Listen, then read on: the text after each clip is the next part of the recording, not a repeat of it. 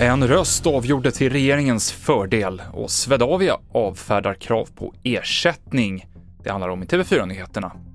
Vi börjar med att berätta att hovrätten idag fastställde mordomen för en 20-åring som får 14 års fängelse för att ha skjutit en kvinna till döds vid en badplats i Luleå förra sommaren. Två andra män som dömdes till långa straff för medhjälp till mord i tingsrätten frias nu från de misstankarna.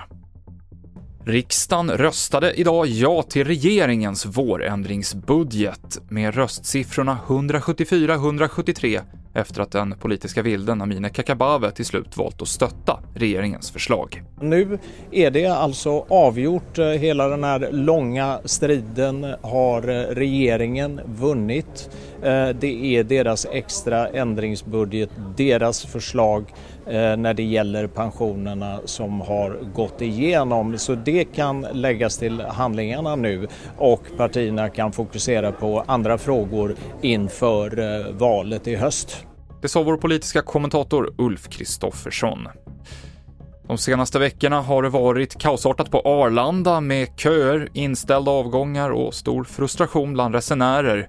Svenska Resebranschföreningen har krävt att operatören Swedavia ska kompensera de som missar sina flyg. Men det är inte aktuellt, säger Swedavia-VDn Jonas Abrahamsson. Ja, men det är ju så här att, eh, återigen, full förståelse för att man blir frustrerad när man missar sitt flyg. Och eh, det är så att oavsett vad det är för typ av fråga eller ärende man har kring sin resa så är det idag uppsatt på ett sådant sätt att man ska vända sig till sitt flygbolag.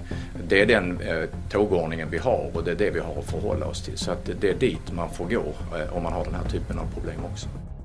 Och det var en elcykel som troligen startade branden i ett flerfamiljshus i Linköping i morse. Det säger räddningstjänsten till SVT.